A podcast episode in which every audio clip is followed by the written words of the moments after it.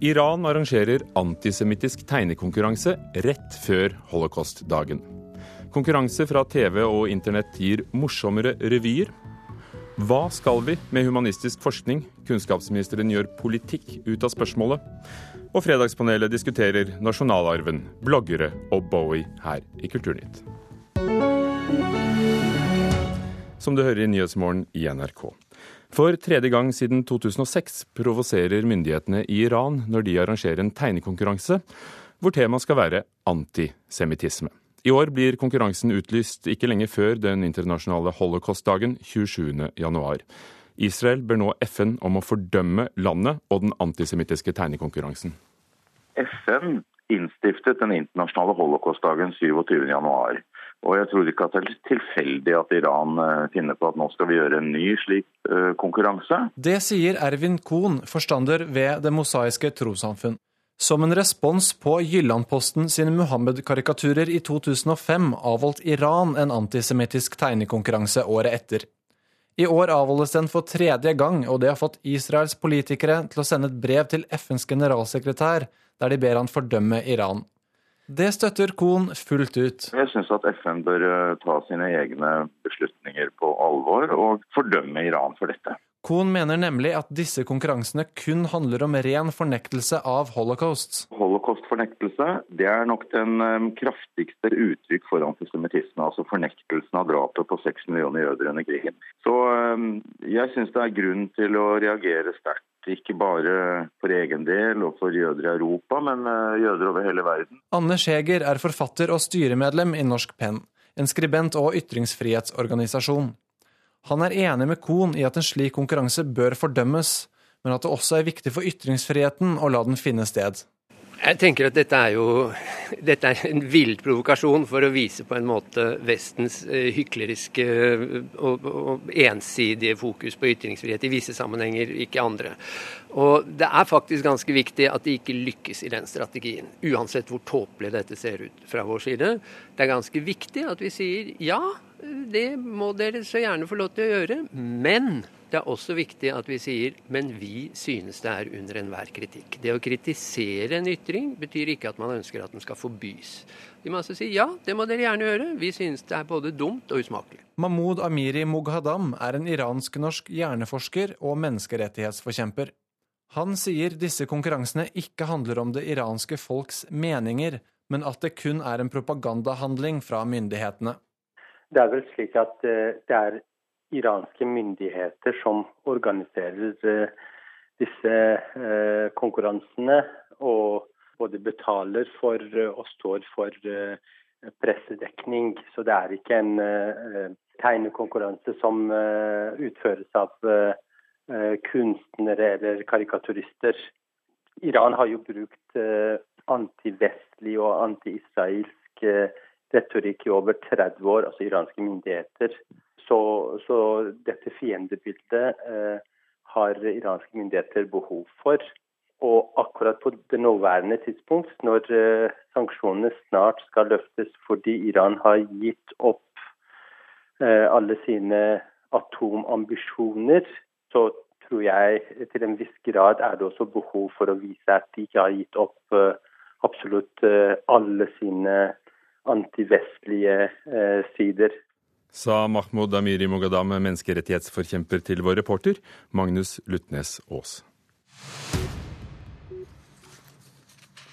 I Somalia må journalister sette seg på skolebenken. Reporter Guro Kvalnes, dette er en av morgenens nyheter. Ja, for nå er det innført en ny lov i landet som krever at journalistene skal være universitetsutdanna. Det melder BBC. De må i tillegg til å være universitetsutdanna, så må de stå på en test utarbeidet av staten for å i det hele tatt kunne jobbe som journalister. Hva med dem som i dag allerede praktiserer yrket, men som ikke har en, en universitetsgrad? Ja, det er jo det som blir det store spørsmålet, da. Og enkelte frykter at erfarne journalister kan komme til å miste jobben. Eh, noen frykter at en kan bli arrestert for å bedrive ulovlig journalistikk. Eh, mens andre igjen mener at eh, kravet om utdanning bare er rett og rimelig, i og med at det kan være ganske farlig og risikofylt å jobbe som journalist i Somalia. Og så et ord som vi ofte hører. Netflix. Ja, for eh, Netflix de kommer nå til å stramme inn på folks muligheter til å få tilgang på innhold eh, fra andre regioner enn der en sjøl bor. Den eh, nyheten den kom i går kveld. Og for en gjengse Netflix-bruker så, mm, så, er det jo sånn at mange mm, av Netflix sine kunder tidligere har brukt det som kalles VMP, eller DNS-løsninger. Unnskyld, hva er det?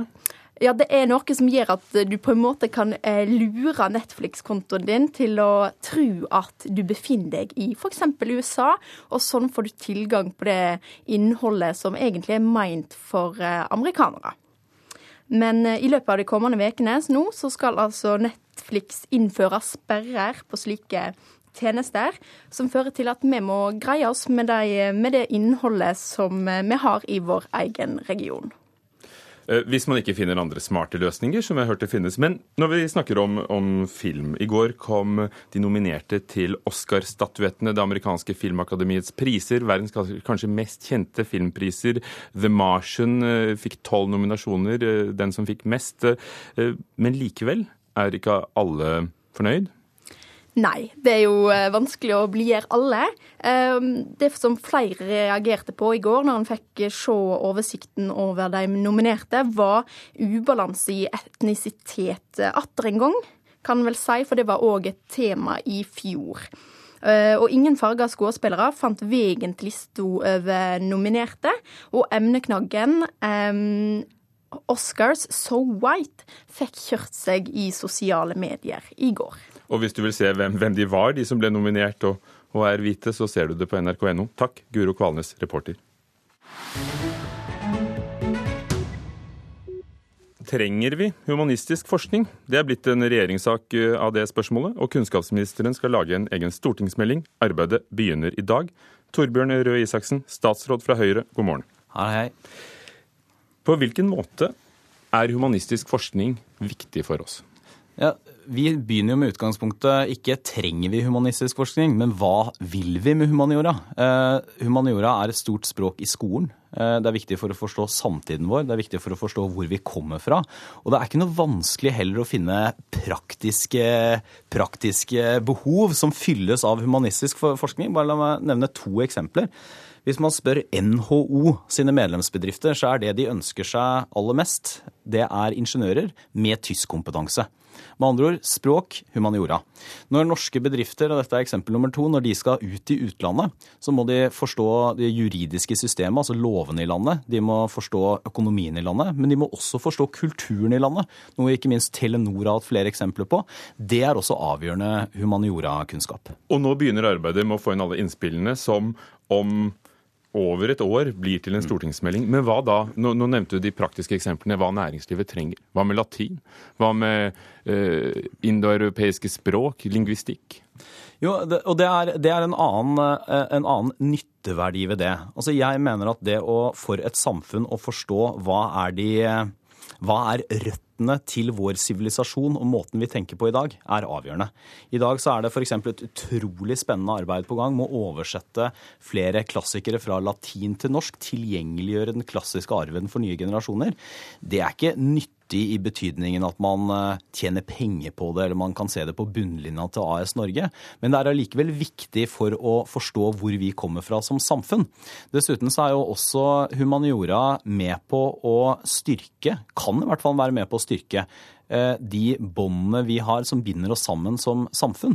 Og Det er også en viktig oppgave. Når du mener det, mens universitetene får penger for antall eksamener de produserer, mm. hvordan da sikre at de som nettopp arbeider med disse grunnleggende og viktige spørsmålene, får fortsette? At de ikke satser alt Nei, det, på tysk det, til ingeniører? Jo, men det, ja, for å si det sånn, så tror jeg ikke det er noe fare for at vi skal, vi skal få en hel humaniora-sektor som nå kaster seg over tysk for ingeniører. Men det er klart, språkfagene må også tenke relevans. Og jeg mener at det er en ja, hva skal man si, det er en uklok måte å tenke nytte på, det er en klok måte å tenke nytte på. Den kloke måten å tenke nytte på, det er at faget med sin egen egenart må også bidra til å løse store samfunnsutfordringer, i den grad man kan bidra til det. Eh, og det kan f.eks. være, vi står nå overfor et stort grønt skifte. Vi skal tilpasse oss eh, sånn at vi får ned klimagassutslippene. Da trenger vi nye teknologiske løsninger, men vi må også vite noe om hvordan disse teknologiske løsningene tas i bruk. Hvordan Er det folk tenker rundt raske endringer? Det er kunnskap som nettopp humanioramiljøer sitter med. Dere skal ta dere alt fra lærerutdanningen til eh, universitetene. Når eh, undervisningsstedene er selvstendige institusjoner, eh, hvordan kan politikken påvirke? Nei, vi kan gjøre det på to måter. For det første så er det jo noen rammevilkår som gjelder for hele sektoren. Eh, og vi har f.eks. lagt fram en langtidsplan for forskning og høyere utdanning, hvor vi sier noe om hva som er de største utfordringene som forskningspolitikken og høyere utdanningspolitikken skal bidra til å løse. Der er det flere humanister som mener at humaniorafagene ikke er tydelig nok framme. Det er en måte vi kan, eh, kan, bidra til å både løfte fagene og, og eh, satse på dem på. Det andre er jo at ved at vi tar dette opp, så ber vi jo også institusjonene, altså universitetene, eh, andre som driver med humaniora, om å selv tenke rundt hvordan de kan bidra til å løfte humaniora ytterligere frem øke kvaliteten både i undervisningen og forskningen, og også gjøre den mer eh, samfunnsrelevant og arbeidslivsrelevant. Og da, Hvis de da sier at det kan vi, men da skal vi få en annen type eller mer bevilgninger, så, så blir det din politikk, kanskje? Ja, altså det, vi, er jo, vi, er jo, åpne for det meste på et så tidlig stadium. Da. Så er det selvfølgelig sånn at når vi, når vi akkurat nå skriver en stortingsmelding om humaniora, så diskuterer vi jo ikke de overordna rammebetingelsene som gjelder for absolutt alle fag. Men det er interessante diskusjoner f.eks. om Eh, hvorvidt en del av det mange humanistiske forskere bruker tiden sin på, f.eks. publisering i mer, ja, si, mer sånn populærvitenskapelig publisering for et bredere publikum, at det blir for lite anerkjent også gjennom publiseringssystemet. Og det er en diskusjon vi skal ha. Hva skal vi med humaniora, var tittelen på en rapport Fritt Ord laget før jul. Hvorfor tror du dette spørsmålet er i tiden nå, som gjør at du for første gang lager en stortingsmelding om det? Ja, jeg tror det spørsmålet har vært, det, altså det har vært en diskusjon i 20 år. Og det har vært mange initiativer. Det har vært en rapport fra Fritt Ord, som du nevnte. Det har vært en stor internasjonal og nasjonal diskusjon om det.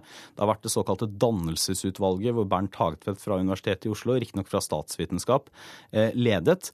Jeg syns dette fortjener et politisk svar. Men er det fordi disse humanistiske fagene har dårligere kår enn før? At de risikerer Nei, ikke, ikke, mer? Ikke nødvendigvis uh, det vi ser. Det er at uh, i, i, et lengre perspektiv så er det ganske stabil rekruttering. Men det vi også vet, er at humanistiske fagene sliter mer med å få folk til å gjennomføre doktorgraden, f.eks. Det er litt høyere andel av de som har humanistisk utdannelse som ikke mener de har en relevant jobb etter endt utdannelse. Men først og fremst så er jo dette her et, et et eh, arbeid som skal gjøre at vi får brukt og synliggjort hvordan humaniora er viktig, bedre enn i dag. Studerte du humaniora? Jeg har eh, litt idéhistorie i eh, fagbakgrunnen min. Og det trenger du i jobben din? Ja, det er slett ikke uviktig å vite litt om hvor politiske system og ideene våre kommer fra. Relevant, altså. Takk, kunnskapsminister Absolutt. Torbjørn Røe Isaksen.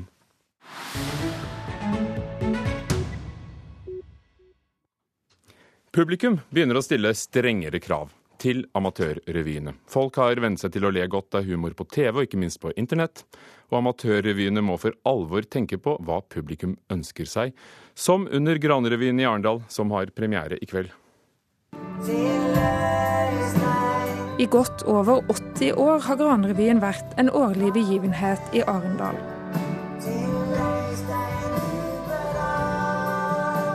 Men kravene fra publikum har kanskje aldri vært så store som nå. Se på meg, nå er jeg blid. I kveld er det premiere på årets utgave Granrevyen banker på. Det stiller sterkere krav til hva folk vil ha av humor. Sier instruktør Marianne Løge. Dermed så må også de lokale revyene på et vis altså, skjerpe seg i gåsetegn. da. Ikke det at ikke de har gjort det før, men det må liksom jobbes med for, å, ja, for at publikum skal være fornøyd. For det er jo det vi vil. Vi vil jo at publikum skal være fornøyd. Det tror jeg de blir på årets revy.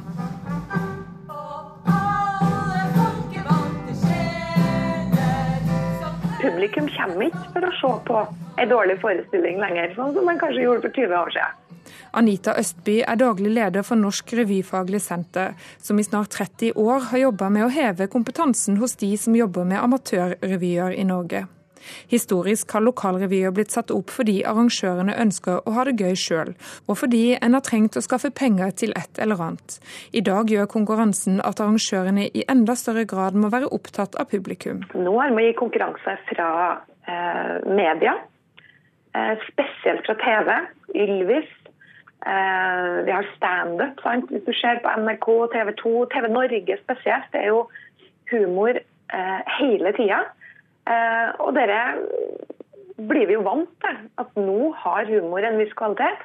Og da går vi ikke på det lokale forsamlingshuset og ser en revy hvis vi vet at det er dårlig. Hvor ble det,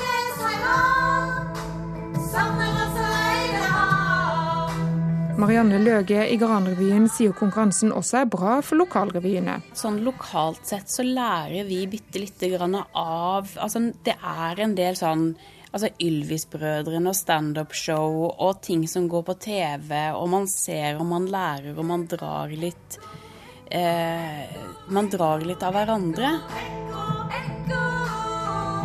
Anita Østby syns òg kvaliteten på norsk amatørrevy er blitt bedre de siste åra, noe hun ser bl.a. ut fra numrene som blir meldt på til NM i revy. Da kommer det 400 nummer sant, fra hele landet. Eh, for 10-15 år siden så kunne vi se ja, unnskyld uttrykket, men veldig dårlig, mange dårlige revynummer som absolutt ikke har noe på en scene å gjøre, egentlig. Eh, men dem ser vi ikke lenger nå. De siste ti årene så er de borte. Amatørrevyene drives av frivillige, men for å heve kvaliteten har mange begynt å leie inn instruktører og koreografer. Altså leie seg litt mer hjelp til å, til å heve kvaliteten, som gjør det morsommere for dem som står på scenen. Gjør det uh, mer attraktivt uh, for publikum å komme, og det her gir selvfølgelig også utslag uh, med kroner i kassa til slutt. Vinn-vinn-effekt for alle. I Arendal har Granrevyen satt publikumsrekorder de siste åra. Revysjef Leif Gerhard Andersen tror noe av suksessen skyldes stabilitet på instruktørsida. Marianne Løge har vært med nå i siste fem åra sammenhengende. Eh, det samarbeidet vi har da utvikla, har nok båret gode frukter.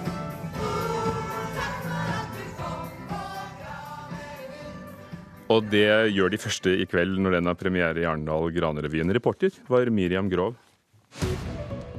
Klokken er ti på halv ni, du hører på Nyhetsmorgen i NRK. Barn blir ikke godt nok hørt før de plasseres i fosterhjem, ifølge ny forskning. Og færre ansatte dør på jobb. I fjor mistet 31 mennesker livet som følge av ulykker på jobben. Det er en kraftig nedgang fra tidligere år. Fredagspanelet er samlet i Kulturnytt. Geir Ramnefjeld, kulturredaktør i Dabla, velkommen. Takk. Knut Olav Åmås, direktør i stiftelsen Fritt Ord. God morgen. Nina Kristiansen, redaktør i forskning.no. Hallo. Jeg gjør det sånn, for da, da, kan vi kjenne igjen stemmene deres. Museene bør selge unna gjenstander, kanskje 10% for å få mer plass, hevder sjefen for Kunstmuseene i Bergen, Kode. Hun eh, ble kraftig eh, kritisert av Nasjonalmuseets eh, sjef her i Kulturnytt i går. For risikerer de, hvis de kvitter seg med 10% å kaste bort nasjonalarven? Nei. Nei. Nei. Er det så enkelt at det er bare å rydde opp? Nei, det er ikke så enkelt. Men eh, norske museumsmagasiner flyter over. Situasjonen er ganske, ganske, kritisk. Og her kan museene lære noe av det som er praksis i bibliotekene. Der pleier man samlingene, man sanerer og kasserer.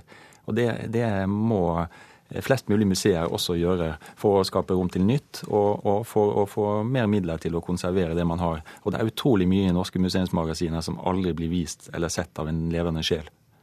Det var jo også interessant å høre debatten her på Kulturnytt uh, i går. fordi uh, Spørsmålet her er jo stilt veldig på spissen. Det var jo ikke akkurat det eh, som Karin Hinsbo sa heller. Hun sa ikke at man skulle selge unna 10% men hun åpnet for at dette her burde være en debatt om hvordan man skulle forvalte Eh, museumsarven i eh, framtiden. Og Audun Eckhoff ga hun jo langt på vei rett i sitt svar også, bare at han ønsket ikke å kjøpe det premisset om at man skulle selge unna 10% så han måtte vel på en måte gardere seg litt. Hun sa hun var villig til å, å, gjøre det i samlingene sine? Eh, hun, hun er nok mer villig til det enn en Audun Eckhoff, det skal vi ikke være i tvil om. Men, men den debatten pekte jo på et helt reelt problem, som Åmås her var inne på. Jeg tenker at vi, vi stoler på museene i forhold til å ta, ta vare på historia vår. Ta vare på kulturarven. Vi stoler jo blindt på dem. Altså, De har jo all mulig slags tillit i befolkningen. Så hvorfor skulle vi ikke stole på dem til at de klarte å selge de riktige tinga og, og forvalte det også? Jeg syns det er veldig rart at det, det ikke skulle være en del av deres arbeid. da. En bok om oss, det er jo noe som ser helt lik ut. altså Den kommer i veldig mange eksemplarer. Mm. Mens det kan du ikke nødvendigvis si om et kunstverk eller kanskje en, en kunstindustrigjenstand. Mm. Nei, og Det er det viktige etiske poenget. Det er, det er, vanskeligere for museene, ikke minst de kunsthistoriske museene, men også de kulturhistoriske. Det er klart, Der finnes det gjenstander som det finnes flere eksemplarer av. Duplikater. Det, det er tilfellet i alle bygdemuseer og, og, historiske museer rundt omkring i landet. Men det er, det er mulig å, å, å, rydde litt i samlingene og likevel ta vare på den historiske arven. Eh, ja, eh, og eh, Hinsbo og Eckhoff peker jo også på at det finnes flere måter å gjøre det på. Det handler ikke nødvendigvis om å selge unna eller skrote. Altså det, I mange tilfeller så er jo det å gi til andre museer og finne andre plasseringer for, for kunsten som er løsningen. Er det forskjell på kunst og gamle bryggerkjeler? Jeg tenker, altså Det man er redd for, da, som har kommet opp, er jo om, om framtida skal dømme oss for at vi gjorde de feil tinga. Tenk om de selger det, feil kunst, da, og beholder eh, eh, skrotet og selger det gode, liksom, som framtida seinere skal dømme. Og det tenker jeg blir litt sånn absurd. da. Vi må jo stole på at de kan forvalte dette her, og, og gjøre de riktige valgene tillitsfull gjeng, dere. Ja, det må jo stole på dem. Mellom 60 og 70% av norske bloggere bryter norsk lov. Det mener et av jurymedlemmene til Vixen Blog Awards, som eh, deles ut i, i dag, og som vi hørte om i Kulturnytt. De stjeler bilder, og de driver med skjult reklame. Forbrukerombudet må gripe inn og gi bøter. Bør Forbrukerombudet bøtelegge bloggere? Ja. Ja. Ja. Vi er jo virkelig enige, da.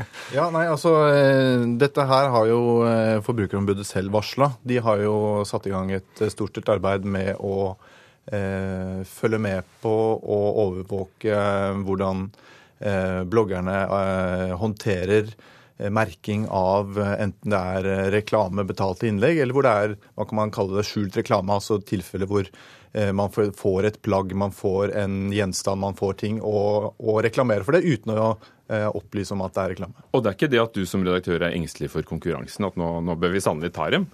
Nei, det handler vel om at man skal eh, gi publikum en fair sjanse til å få vite hva dette her handler om. Ja, det er det det dreier seg om. Altså, dette er en sak for jussen og klare brudd på, på på, på, lovregler. Men det som ligger under, er selve samfunnskontrakten. Den som vi ser blir brutt også når det gjelder innholdsmarkedsføring, content marketing, når det ikke blir merka skikkelig. Og på samme måte er det med eh, så mange bloggere eh, at eh, man ikke kan vite om det er markedsføring eller fritt innhold. Og det er det, det, er det, det er vi må rydde opp i av hensyn til offentligheten. Og bloggere har veldig mye å tilføre den norske offentlighet, men det må være en viss ryddighet. Jeg tenker jo det at bloggerne trenger noen, da, om ikke noe annet så får det være Forbrukerombudet. Fordi de sitter jo helt aleine foran PC-ene sine. Altså I etablerte medier så har vi jo kollegaer, vi går på møter, vi diskuterer jo content marketing og, e og, og etiske grenser liksom morgen og kveld. Og de har jo ingen. De sitter der helt aleine og, og, har ikke engang en utdanning eller kanskje ikke en presseerfaring som kan hjelpe dem. da. Noen og, har faktisk en utdannelse. Ja, noen har det, da, men ikke sant? De, de er jo ikke i, uh, i et fellesskap. Og, og, hvis du ser på hva etablerte medier gjør med innholdsmarkedsføring og annonsering og pushe på etiske grenser, og det har jo vært nok av saker rundt det. Mm. Og når vi ikke klarer det, så skal disse her ensomme bloggerne Så jeg tenker ja, Kjør Forbrukerombudet på dem. Men Begynner ikke folk å bli vant til eh, fra produktplassering i TV og film at hvis det står, eh, hvis det står en blogger med sjokolade i hånden eller en stavmikser, så, så skjønner vi hvor den kommer fra? Ja, altså Her viser undersøkelser bl.a. gjort av Jens Barland, medieforsker, at eh, det, det, er veldig mange blant vanlige mediebrukere som ikke ser forskjell på journalistikk og reklame engang. Så, så her trengs det veldig tydelig merking. og jeg, jeg leste leste en av de lange bloggene i går som, eh, som det blir henvist til i denne debatten, og, og det, var, det, var, en eneste lang rekke av, eh, av ikke så veldig godt skjult produktplassering. Vi skifter tema. Denne uken døde en kjent artist.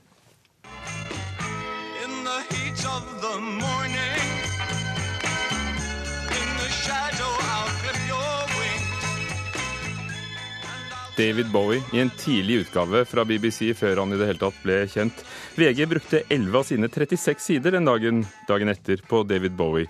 Eh, også andre aviser, og her i NRK, på TV, radio og nett, ble dødsfallet grundig dekket. Var det for mye? Nei. Nei. Nei. Jeg drar litt på det. Altså, For meg personlig så er det nok litt i meste laget, men, men uh, redaktører redigerer som de vil. Eh, kanskje skyldes dette voldsomme emosjonelle også at det er stort sett, eh, eller iallfall i høy grad menn mellom 45 og 55 som, eh, som nå får ut sitt, sitt, indre. Og for denne store figuren i, i de siste tiårenes populærkultur, så, så, de veldige reaksjonene viser hvor viktig han har vært i populærkulturen, og hvor viktig populærkultur er i mediene våre i dag. Ja, altså... Ikke var... langt unna 45, du? Litt igjen? Jo, litt. Jeg har ti år til. Eh, men uh, altså Bowies plass i pop- og rock-historien er jo helt udiskutabel. Han har en ekstremt sentral plass, og han har vært en representant for noe helt e-, eget, noe særegent. Han, han har utvidet på en måte rammene for hva som popkultur og rock kan være.